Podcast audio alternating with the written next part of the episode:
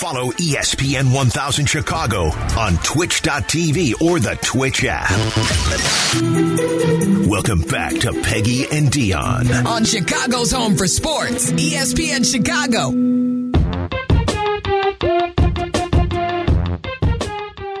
Good. It's going to be a great game. I think he's going to do good. He's going to be ready. So, be What's ready. your prediction? My prediction's five touchdowns, 370 All right, yards. okay.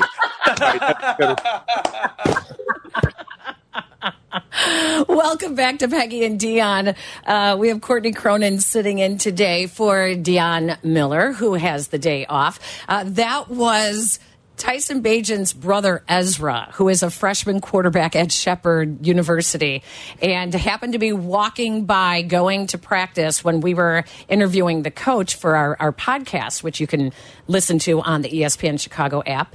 And uh, he, we, we said, well, put him on. And so he opens the car door and he's like, Ezra, come here. And he walks over and he goes, say hello to Chicago. And he kind of, you know, waves and says hello. And then that's when I asked him, I said, what's your prediction? And that's when he was like, five touchdowns. Don't you just love Division two schools though? And schools like imagine doing this for like talking to Nick Saban or a coach from a high level Division one program. Like, you Right. never get the access or the information Right. or the anecdotes that you got in that podcast from Ernie McCook. And you know, to have the the quarterback just walking by as this coach is doing I assume he was on FaceTime with you guys doing the podcast? Yeah, we did StreamYard. Yeah, Okay. yeah, It's- it was really I love funny. that. Yeah, so I'll get that video version up on YouTube later on tonight um, after I get home today. But I just I love the small school stories in the NFL. Um, I mean, Yurko. When you look at guys like Yurko and and guys that just you know th- they're success stories and they're mm-hmm. and, and Tyson Bagent knows that he is a role model for others in his own family. Like he knows that anything is possible and that people are watching his every move. I I love it. I I love the confidence. I I don't know. I mean, let's be honest here. He didn't see a whole lot of uh, defenses in Division Two like he's going to see in the NFL. So that is going to be a learning curve for him. And uh, one of his issues that Coach McCook said is he does stubbornly stick on his reads and that he's going to have to learn to quickly move on from his reads and not that's why he threw to DJ Moore Yeah. when he shouldn't have last week. And I, you know, Luke Getsy talked about that. That that was like his third hitch. Like, you know, the, it should have been a check down. Even Tyson said that upon rewatching it, upon going through and diagnosing what went wrong, he should have taken the easy play there instead of going for the one on one look that was a good look. But if he can't execute that, I mean, the left guard was pretty much like in, he was bumping into him by the time he makes that throw. That's a learning experience, though. That's a quarterback who gets thrust into a game because of an injury. I mean, you can't. I think you have to look at that with like a take a grain of salt when you evaluate how he did in that moment. But there was more good, I think, than bad. Honestly, I know a lot of people are going to say, "Well, what the hell were you watching, Courtney?" But there's the confidence to bounce back from the third play of your NFL regular season, you know, career, like your career starting in that moment. Forget the preseason. No one's blitzing in the preseason. No one's showing you the sorts of looks that Minnesota did last week. And he gets strip sacked to go three drives later and lead a 77 yard touchdown drive.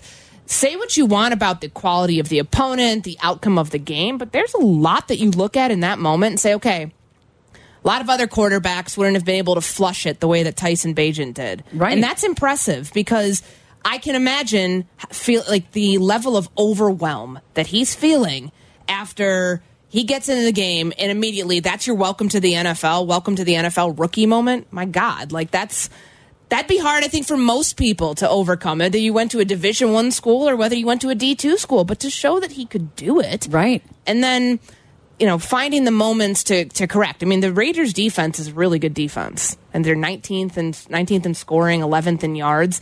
Like they, it's not just going to be on Tyson Bagent this weekend. This is on Luke Getsy. This is on max protection up front. It's on the offensive line, which we don't know what the combination is going to be. It sounds like they're willing to move Teven Jenkins to right guard. Um, hopefully, the protection's better for Tyson Bagent because you got to give him a chance, Right. Like you've got to help insulate him. As confident as he is as a quarterback and understanding the playbook, that's that's all great. But you've got to scheme up easy throws. You've got to put him in a position where he's not, you know, in third and long from like his first like couple plays when he gets out there tomorrow. Well, and, and one thing that everyone does agree on, though, is that he has a quick release, which is really good. And I think we will see that'll be a big difference from what we are used to seeing. Let's go to the phone lines in Naperville. Jeff has been hanging on. Hi, Jeff. You're on with Peggy and Courtney. Good afternoon, ladies. Two quick thoughts. The first is there was a quarterback that the New York Jets drafted in the ni- uh, middle 1980s named Ken O'Brien. He was drafted in the first round, and he was a Division two All American, and I think he stayed in the NFL about 10 years. So that's an example of a D2 quarterback that did okay. I didn't realize that he was Division two. Um, UC Davis is now a Division One A. That's where he went to college. Yeah. But at that time, it was a D two school. Ah, Sacramento State. Okay, that's no, what- UC Davis. Oh, UC okay. Davis. Okay, because they they have him down here for also uh, Sacramento State. Yeah, that's interesting. I did. There's when you when you look up the number of Division two players, there's there's no like you don't see quarterback. There's a lot of defensive backs, uh, you know, which makes sense. You're going to have some smaller Sure. players, uh, which is why they they don't go to the big schools, the Division one schools. But yeah, that's interesting. Jeff, do you think that Bagent has it? Are you hopeful? You know, I was really impressed that he was thrown in the middle of a game after not getting snaps all week. I was impressed at how quick he made his reads and got the ball out. My sense is that at the game tomorrow, um, and by the way, I'm I'm going to the game. I'm pretty excited. Um, my sense is that he has a turnover early because the speed of the game is so fast, but he adjusts quickly and has a successful day. That's interesting. Jeff, thank you. We appreciate the phone call. 312 332 3776. I think that we're going, there's going to be mistakes, obviously. It is how he recovers from those mistakes and how quickly, like you just said, he is able to file it away and move on to the next play. and that's like you don't want the snowball effect. And when I'm talking about don't put him in situations because you have such limited plays when you're in second and long, third and long. Don't get behind the chains early. Like scheme up easy throws. If this has to be a check down game, then so be it. But this is what does he have to lose? I just I keep going back to that. Like I don't think he has anything at this point to prove to people. Yeah. I mean, could he lose his job as a backup quarterback? Sure, but it's not like the other options are that great on this Bears roster. And very clearly they feel confident enough that they've developed this quarterback to put him in a position to start an NFL game. So I looked up the numbers. He's he will be the fourth Division 2 quarterback in the last 20 years to start a game, the first since 2010. So Jon Kitna, as we remember, Yep. with the Detroit Lions Yep. He had a very successful career. Yep.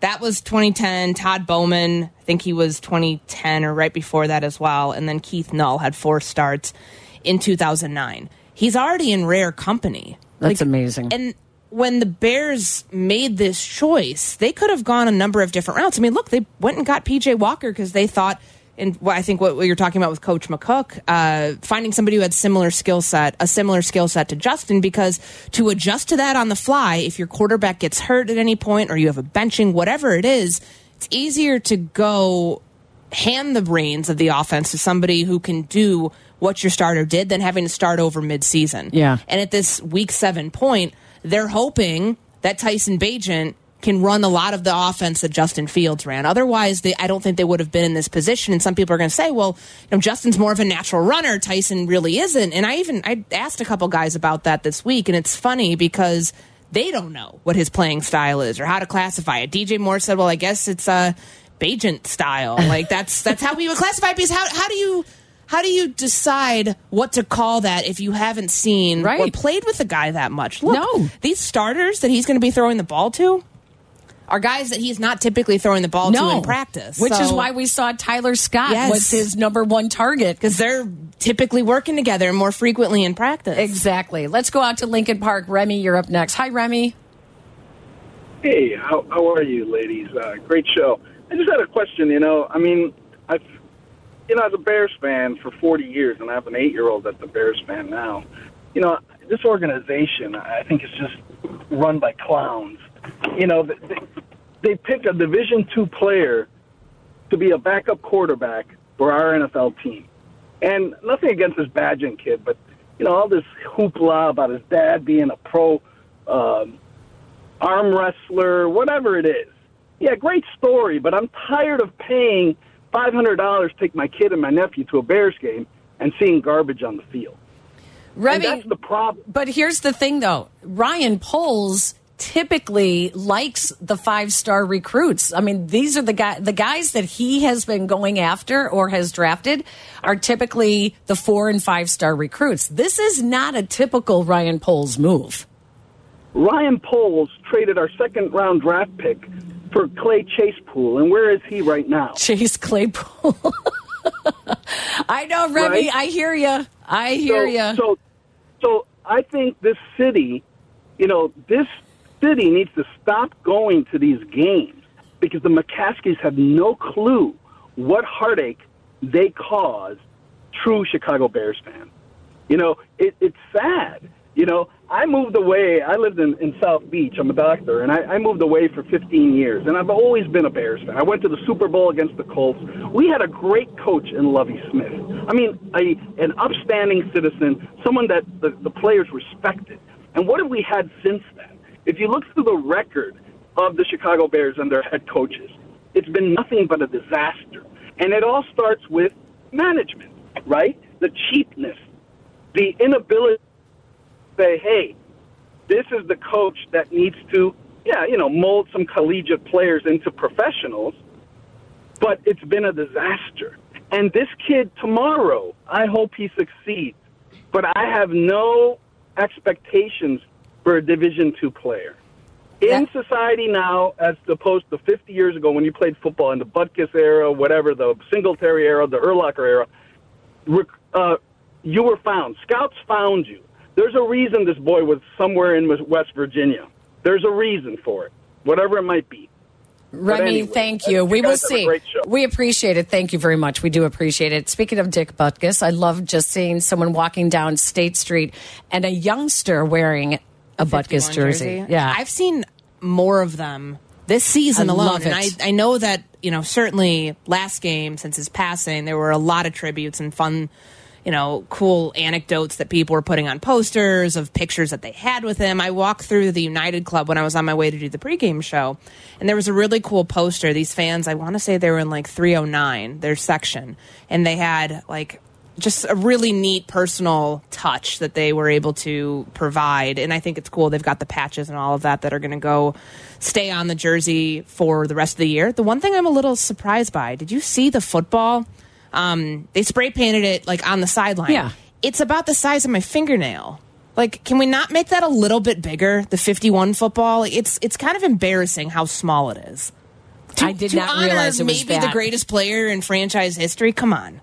Oh my gosh. There's obviously rules. You can't put it on the playing surface itself, but you can do whatever you want behind the sidelines. That's ridiculous. 312-332-3776. She's Courtney Cronin, so she's the one that's saying it bears. All right, I'm kidding. Uh, I'm Peggy. We will take more of your phone calls. A lot of people fired up. They want to know what kind of effect uh, Tyson Bagent is going to have, not only on the wide receivers, but what about Justin Fields and what happens if he succeeds? You know, what if he doesn't succeed and Justin Fields comes back and he's not 100%? Is that going to be an excuse for the rest of his season as they try uh, to continue to look and see if he is the future?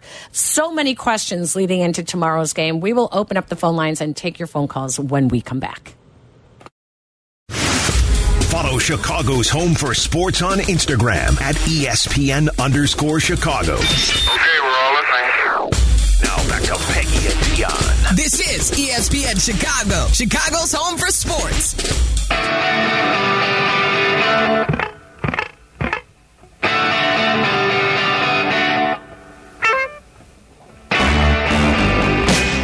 Listen, everybody loves a good Cinderella story. So let's just go with it until he takes the field. That's what we're doing. That's so that's we're just telling the story of Tyson Bagent and why it is such an interesting. And listen, I know people don't want to hear Brock Purdy. Nobody wants. Oh my gosh, he's not Brock Purdy. Okay, but the lesson is there about mm-hmm. Brock Purdy. And the lesson is that you do have to uncover a lot of rocks sometimes to find that gem. And the Bears are are going to try it out. And this has been their plan. That's what's so amazing.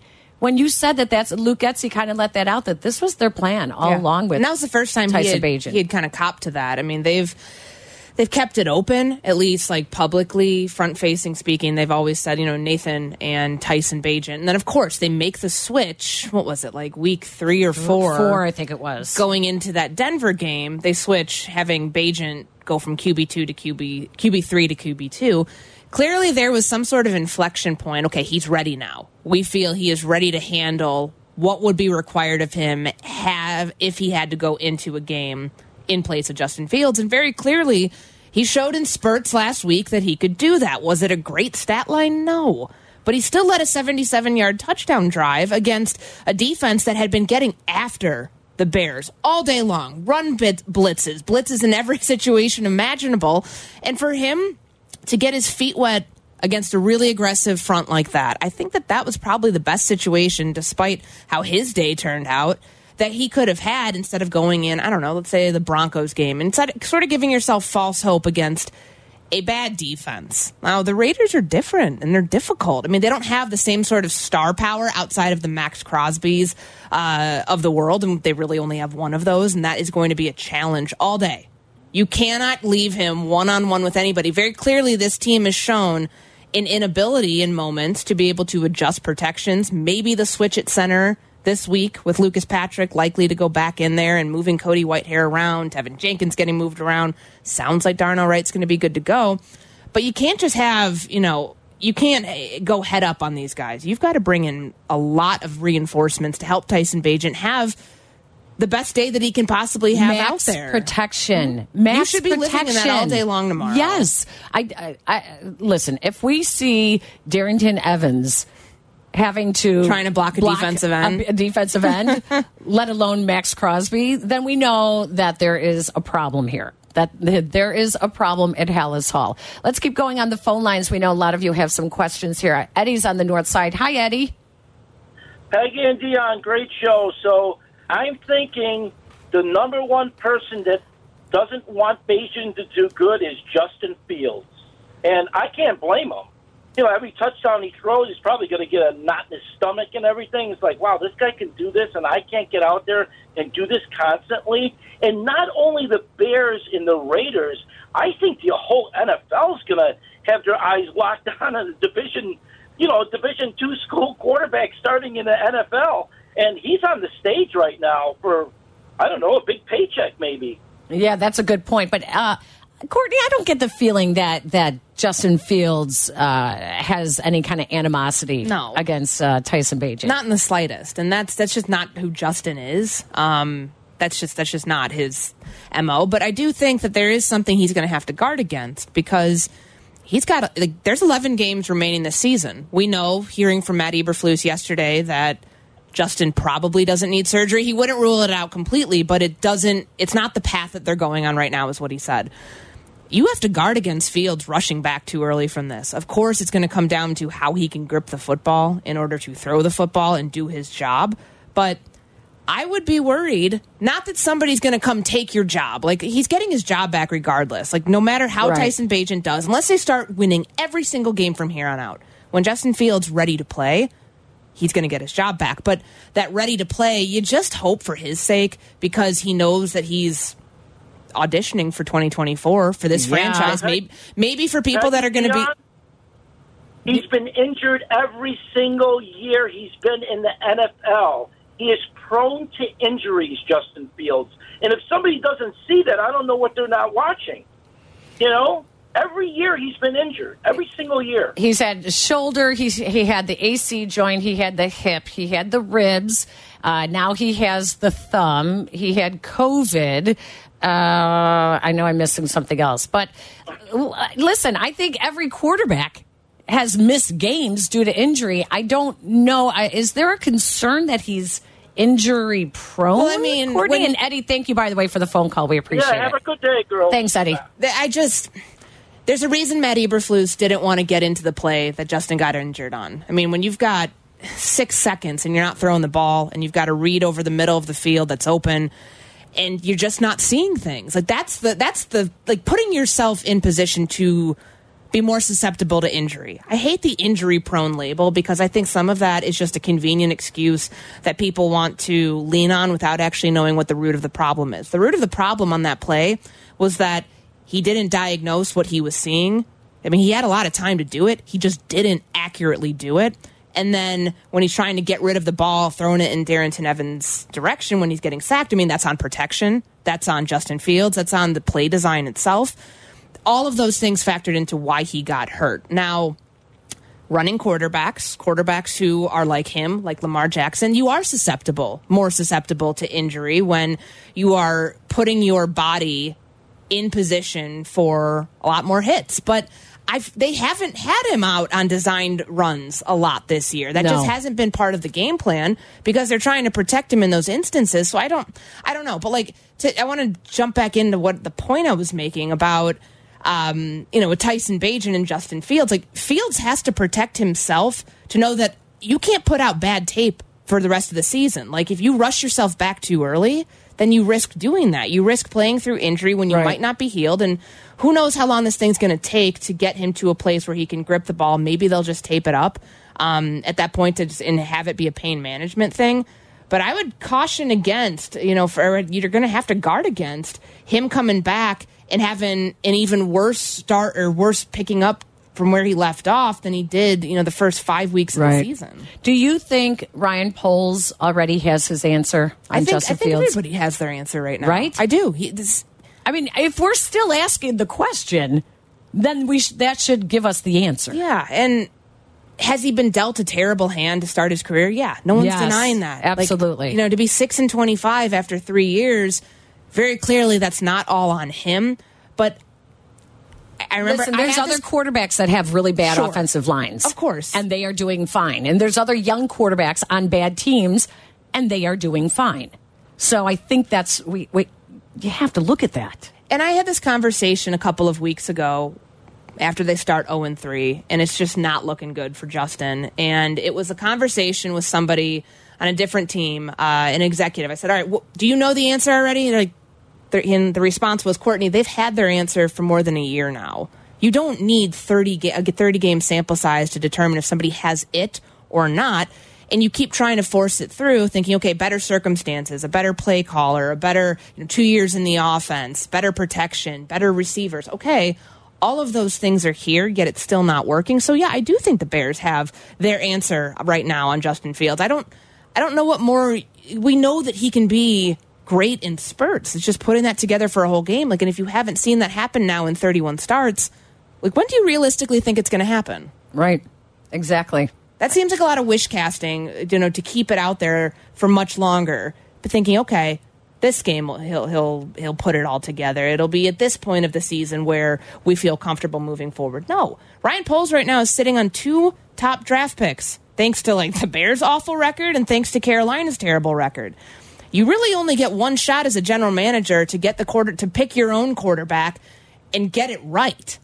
He at this point he's not in position to forego picking a quarterback No. in 2024 maybe even picking two. I had this conversation recently. I'm like what is literally what this team has never been able to develop a quarterback.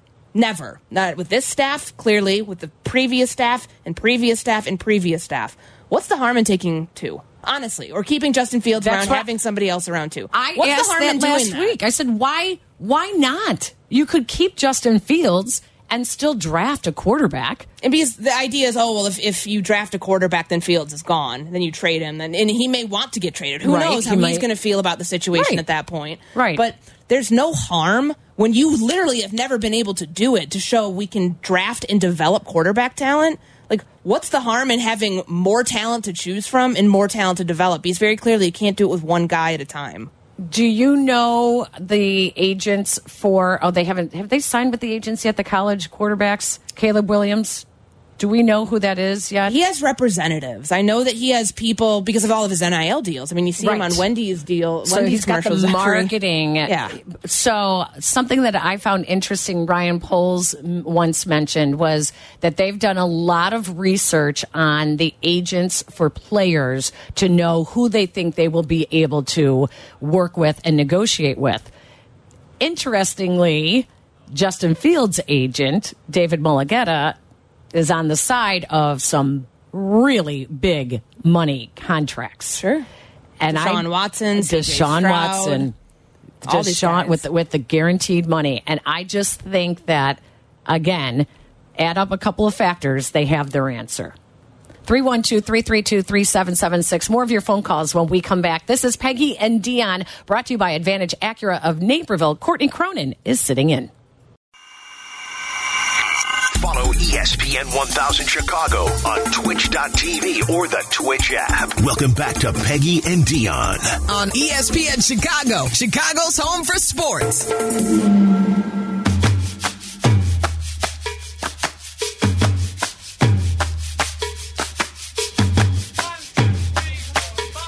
And Dionne for 25 more minutes. Courtney Cronin is filling in for Dionne, even though everyone keeps calling you Dionne. I guess we sound alike. Yeah, I guess so. I don't think you do at I all. I don't think we do in the slightest, but it's a compliment. I love Dionne. If anybody wants to compare me to Dionne, I will take that compliment. Absolutely. Speaking of sounds, um, did you hear or watch Al Michaels From Thursday Night Thursday Football? Night Football?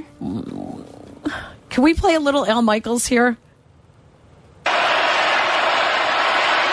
Lawrence fires. That's caught on the run. Christian Kirk inside the 20. He goes, and Christian Kirk takes the ball all the way to about the one yard line. They're going to spot it as he thinks he scored the touchdown, and they're going to call it a touchdown now. Oh, gosh. Oh, my gosh. 17 yard line. Little flip here. ETN. ETN takes it to the end zone. Touchdown. That was the turning point in the game. It sounded like he was in an office calling the game from videotape. He's gotten that criticism since he went to Amazon. Since he's been doing these Thursday night games, there have been people who think he doesn't doesn't care anymore, think that he's like checked out. But Oh my gosh. like you're thinking about that with the ETN touchdown. That was the one that, that was the one that made it 31-24, right? Yes. Like let's have like a little bit That was more the go-ahead touchdown. Let's It was a little like- bit more enthusiasm in that moment. Like, if you are walking through your living room and the sound is up on the TV, nothing made at that point makes you turn around to watch the play. Yeah. Nothing. And I get why he went to Amazon and left Sunday Night Football. I'm sad about And it. I I, loved him on Sunday Night I Football. I loved him and love oh Al Collinsworth together. Like I did. I thought that they were a f- tremendous pairing, and I wish that we could see that more often. But I don't know. There's there hasn't been a. Me- I mean, some of the games have been terrible, like dating back to last year when they started Thursday Night Football on Amazon. But s- man, there hasn't been a memorable moment, like a memorable call for him in two years. No, I just feel like you know. uh, Listen, I used to hate when it was so hard to break into this business. Give give someone a chance. just give someone new a chance, and their last name doesn't have to be Collinsworth. Okay, you can give someone. Their schools are filled with young broadcasters. They are the minor leagues are filled with young broadcasters. Colleges are filled with young broadcasters give, give someone a chance. I mean, come on. Sometimes they just hang on to people forever, like me right now. That's not true. like me That's right not now. The same As I'm saying it, I'm thinking, well, wait a second. Why am I? Do- what am I doing here on a Saturday? I'm kidding. I'm kidding. But, anyways, um, let's keep talking a little bit more about uh, the Bears because I I find it very interesting that we were just saying. Does Ryan Poles has have his answer on Justin Fields? Does Ryan Poles have his answer, Courtney, on Matt Eberflus? I think so because let's play out the scenario that if this season continues on this way, they've got a top two draft pick, and that Carolina's season plays out the way that they have the number one overall pick because they haven't won a game. If you are in position to draft a quarterback, you do it regardless. Like because you're probably only going to get you don't want to be drafting that high like ever again because that's the usual reflection of a bad record.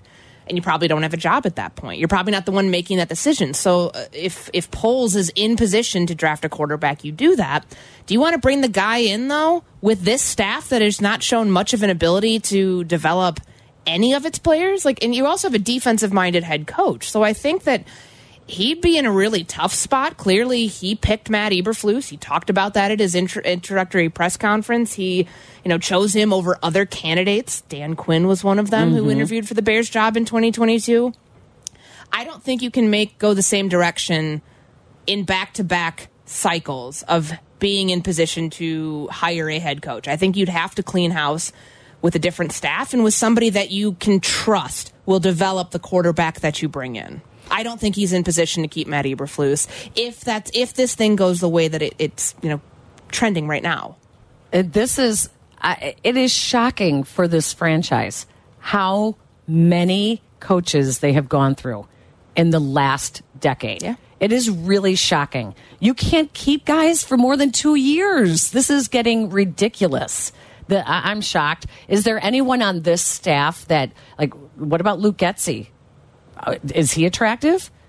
I mean, his name was being floated last year. Did Like, he actually interview, though? I don't think he did. I don't think he did, but I know that he was garnering some interest, like some pretty, like just pretty significant early interest as to okay, if 2023 goes well, this will be a, a hot head coaching candidate. Remember, we had that conversation in the summer where, man, if Justin does really well, like then you have him, Yeah. you know, with a brand new offensive coordinator in 2024. How's that going to work out? Yeah. Well, that's putting cart before the horse, to say the least, and a lot of people did that. But I, I don't know that you'd want to keep any pieces. Like typically the way this works is that if you hire a head coach, he's going to bring in his staff. Like he's not going to defer to, okay, well there's a couple coaches I want to keep around here. Typically doesn't happen.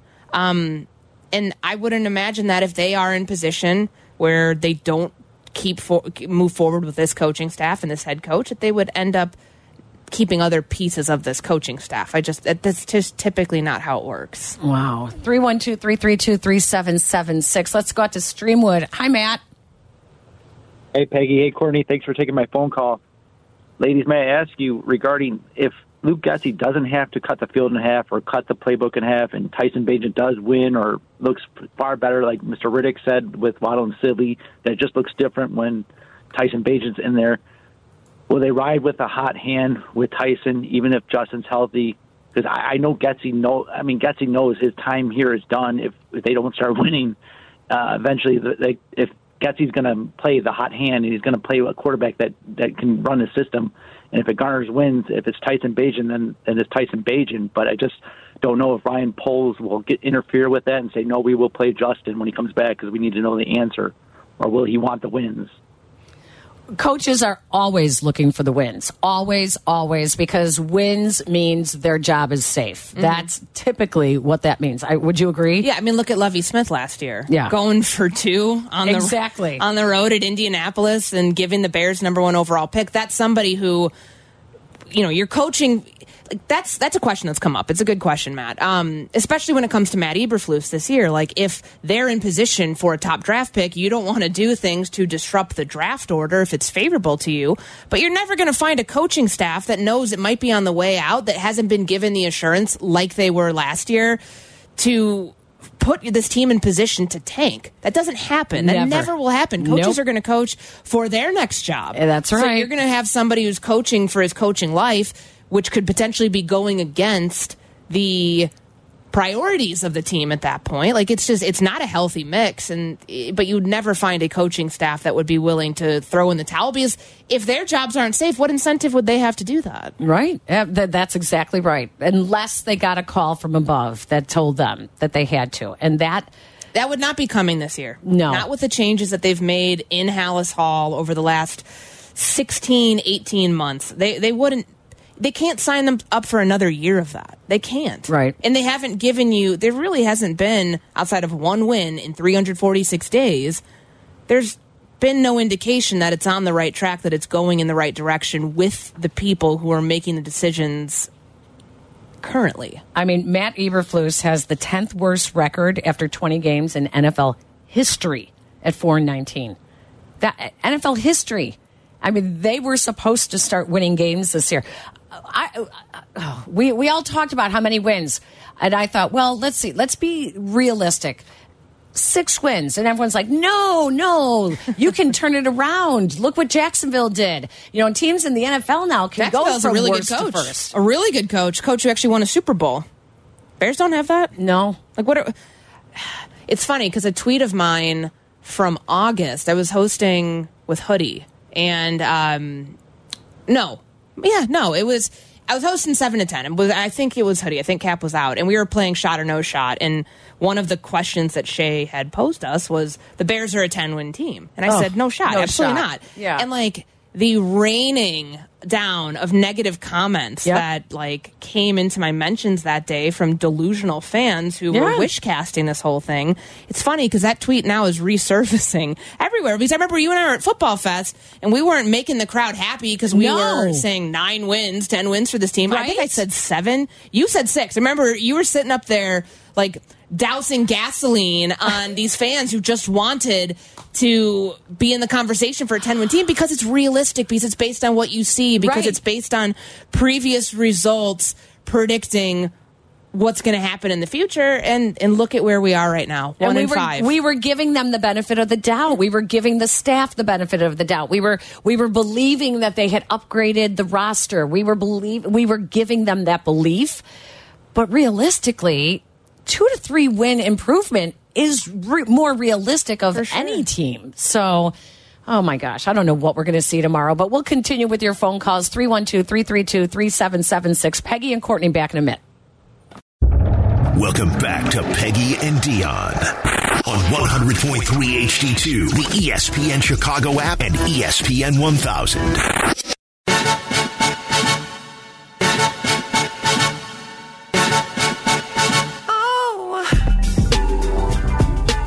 Liking this music. Nice. Hey, don't forget, not only can you listen to us uh, in your car on ESPN 1000 or 100.3 HD2, but also the ESPN Chicago app. And also, you can watch us live on twitch.tv slash ESPN 1000 Chicago. Don't forget, we also have a YouTube page with some clips on it, some great moments on ESPN Chicago. Uh, it's on our ESPN Chicago page on YouTube. Uh, if you want to hear more of the Ernie McCook interview from Coach. The coach at Shepherd University, Tyson Bagent's uh, former coach. And then you can check out the Sportscaster and Her Son podcast on the ESPN Chicago app. That video version will be up on YouTube on our YouTube page tonight. Not on ESPN Chicago's YouTube page, but the Sportscaster and Her Son, or just search my name and you will find that as well. Uh, pregame show tomorrow starts at 10 a.m. with Silvy and Dionne and Lance Briggs, followed by our call of the game heard right here on ESPN 1000 or one of the many Chicago Bears radio network stations. That's with Jeff Joniak, Tom Thayer, and Jason McKie working the sidelines. Immediately following the game, Jurko and me with the post game and then the post post game show after as well. I mean, we've got Bears all day long tomorrow. So no place to be other than E ESPN 1000 Exactly. home of the Bears Exactly. Uh, let's continue on the phone lines. We have a couple more minutes here. Bob is in Morton Grove. Hello, Bob. Hi. Uh, my question is Would it surprise you by draft day that Drake Maye surpasses Caleb Williams? No, I don't think it would. And I I'm kind of in the same boat right now. I know everybody's like over the moon for Caleb Williams, that generational talent label unfortunately surfacing once again and that one's being attached to him. I don't know if I see it to where I'm like completely sold. There's nobody else I would even consider taking if I'm a general manager sitting on the number one overall pick. I think Drake Maye for this Carolina team that's looked incredible this season. He didn't throw three interceptions last week. I mean, he's had a really good year, and I know that right now it just feels like the consensus is number one and number two. It's Caleb Williams and then Drake Maye, but not at all. I mean, I feel like at this point last year we were having the conversation about C.J. Stroud and Bryce Young. Like, would those Yeah. two be one and two? Would it be reverse order? Would C.J. Stroud go first overall? And those are conversations that typically go all the way up until the week or two before the draft, where you kind of have a feeling of who you know is going to be the number one overall pick. But no, Bob, that wouldn't surprise me at all if Drake Maye ends up at the um, the number one spot. Twelve touchdowns, four interceptions this season. He's had a good year so far. What's interesting is uh, when you start reading the breakdowns of the quarterbacks, you could easily be convinced of either one of them. You could easily be con convinced of Drake Maye. I mean, I think that that's he's a pocket passer. He's a pure pocket passer. Uh, Caleb Williams just kind of has it. He's got that it factor um, to go along with the skills. So, yeah, I mean, this will be interesting. But boy, Hoodie would be upset with you. Is he a Caleb Williams guy? Oh my, yes, yes. You know, he's like, he, isn't isn't he allowed to have a bad game? Everyone's allowed to have a bad game. Mm -hmm. Yeah. I thought watching that Notre Dame game last week and just kind of seeing what some of his issues were against that defense that the three the three interception game he had might foreshadow what the first month of Caleb Williams' rookie season looks like. Really? Mm-hmm. And I wouldn't be surprised if they lose a couple more games this year. I don't know if this USC team is very good. Obviously, their defense is terrible, but and that's okay because those are gro natural growing pains that young quarterbacks are going to have to go through which is why you when you know when you hear the the con, the conjecture out there of oh he's not going to go he's going to stay in college if the Bears have the number one overall pick Right. um, because he doesn't want to go to certain places. Some of that you do have to give a little credence to because say, you, is that true? Because I have seen it all over. we, have seen it right now. It feels like it was. It's kind of like listening to you know the rumor mill about what his team, what his representatives are Right. are telling teams right now, but. Could you blame him for not wanting to go to a place that has never developed a quarterback? No. I, I, I wouldn't. I wouldn't fault him for that. I wouldn't fault him for that. Wouldn't that just be what would happen? Is that the Bears would draft him and then he would decide to stay back in school? I thought about this when it came to the NBA draft earlier this year. Like Jalen Hood Schifino was a top 15 pick. He went to the Lakers. And I thought, okay, the Bulls are going to be in position to draft him potentially. And this is before all of it, before they like didn't have a first round pick. And I was like, I hope he doesn't go there because I don't want him to get ruined. Yeah. People feel that way about their favorite quarterbacks, about their favorite players, and knowing what the draft order looks like. What confidence would you have that somebody like that could come here and succeed? What confidence would you have had if Patrick Mahomes came here, would he still be the same Patrick Mahomes that he is today? No Debatable. way. I I would debate that. That no way. No way. It's about the right situation Yes. and the right coaching staff to develop a player, which is why these decisions, like no matter how this season plays out, Ryan Poles is going to have to look at who he has working for him, this coaching staff, who he has making decisions, who he has developing players. And he's got to do a lot of soul searching to determine okay, is the right infrastructure in place to support a young quarterback? Should he very likely continue to be in position to draft one next year? Yeah. I have a question. There- Something else that's been coming up that I, I saw on the internet last week was Caleb Williams and Aaron Rodgers were both requesting equity in the NFL teams that signed them.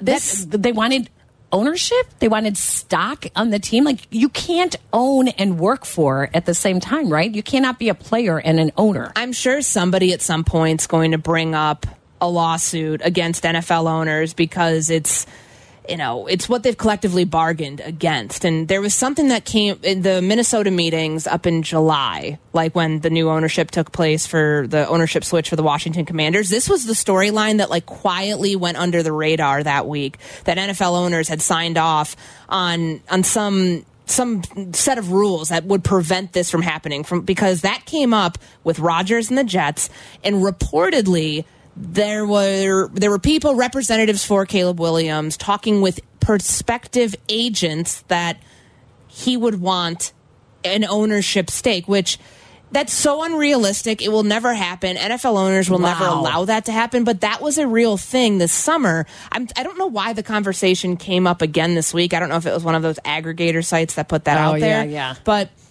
that's a very real thing because you can't like the way that because you could circumvent the salary cap then Exactly. like and, and then and teams Right. are never going to allow that to happen in this salary cap era unless they wanted to do away with that altogether which very clearly they don't Oh my gosh. Well, this has been great having you. Thank you for getting Thanks up for early having me. after after a rough night of espresso martinis. there's only one but I don't think we're going to be doing those anymore You could hear Courtney Cronin all week long. Check out her work on ESPN's NFL Nation, ESPN.com, and on the network as well. Thank you to Justin and Jack. Thanks, you guys. You did a great job today as well. Thank you to our guest, Denis Savard, for joining us, Blackhawks home opener later on tonight. And we have White Sox Weekly coming up this afternoon. For Courtney, I'm Peggy. Make it a great Saturday, everybody. Thank you for joining us on ESPN 1000.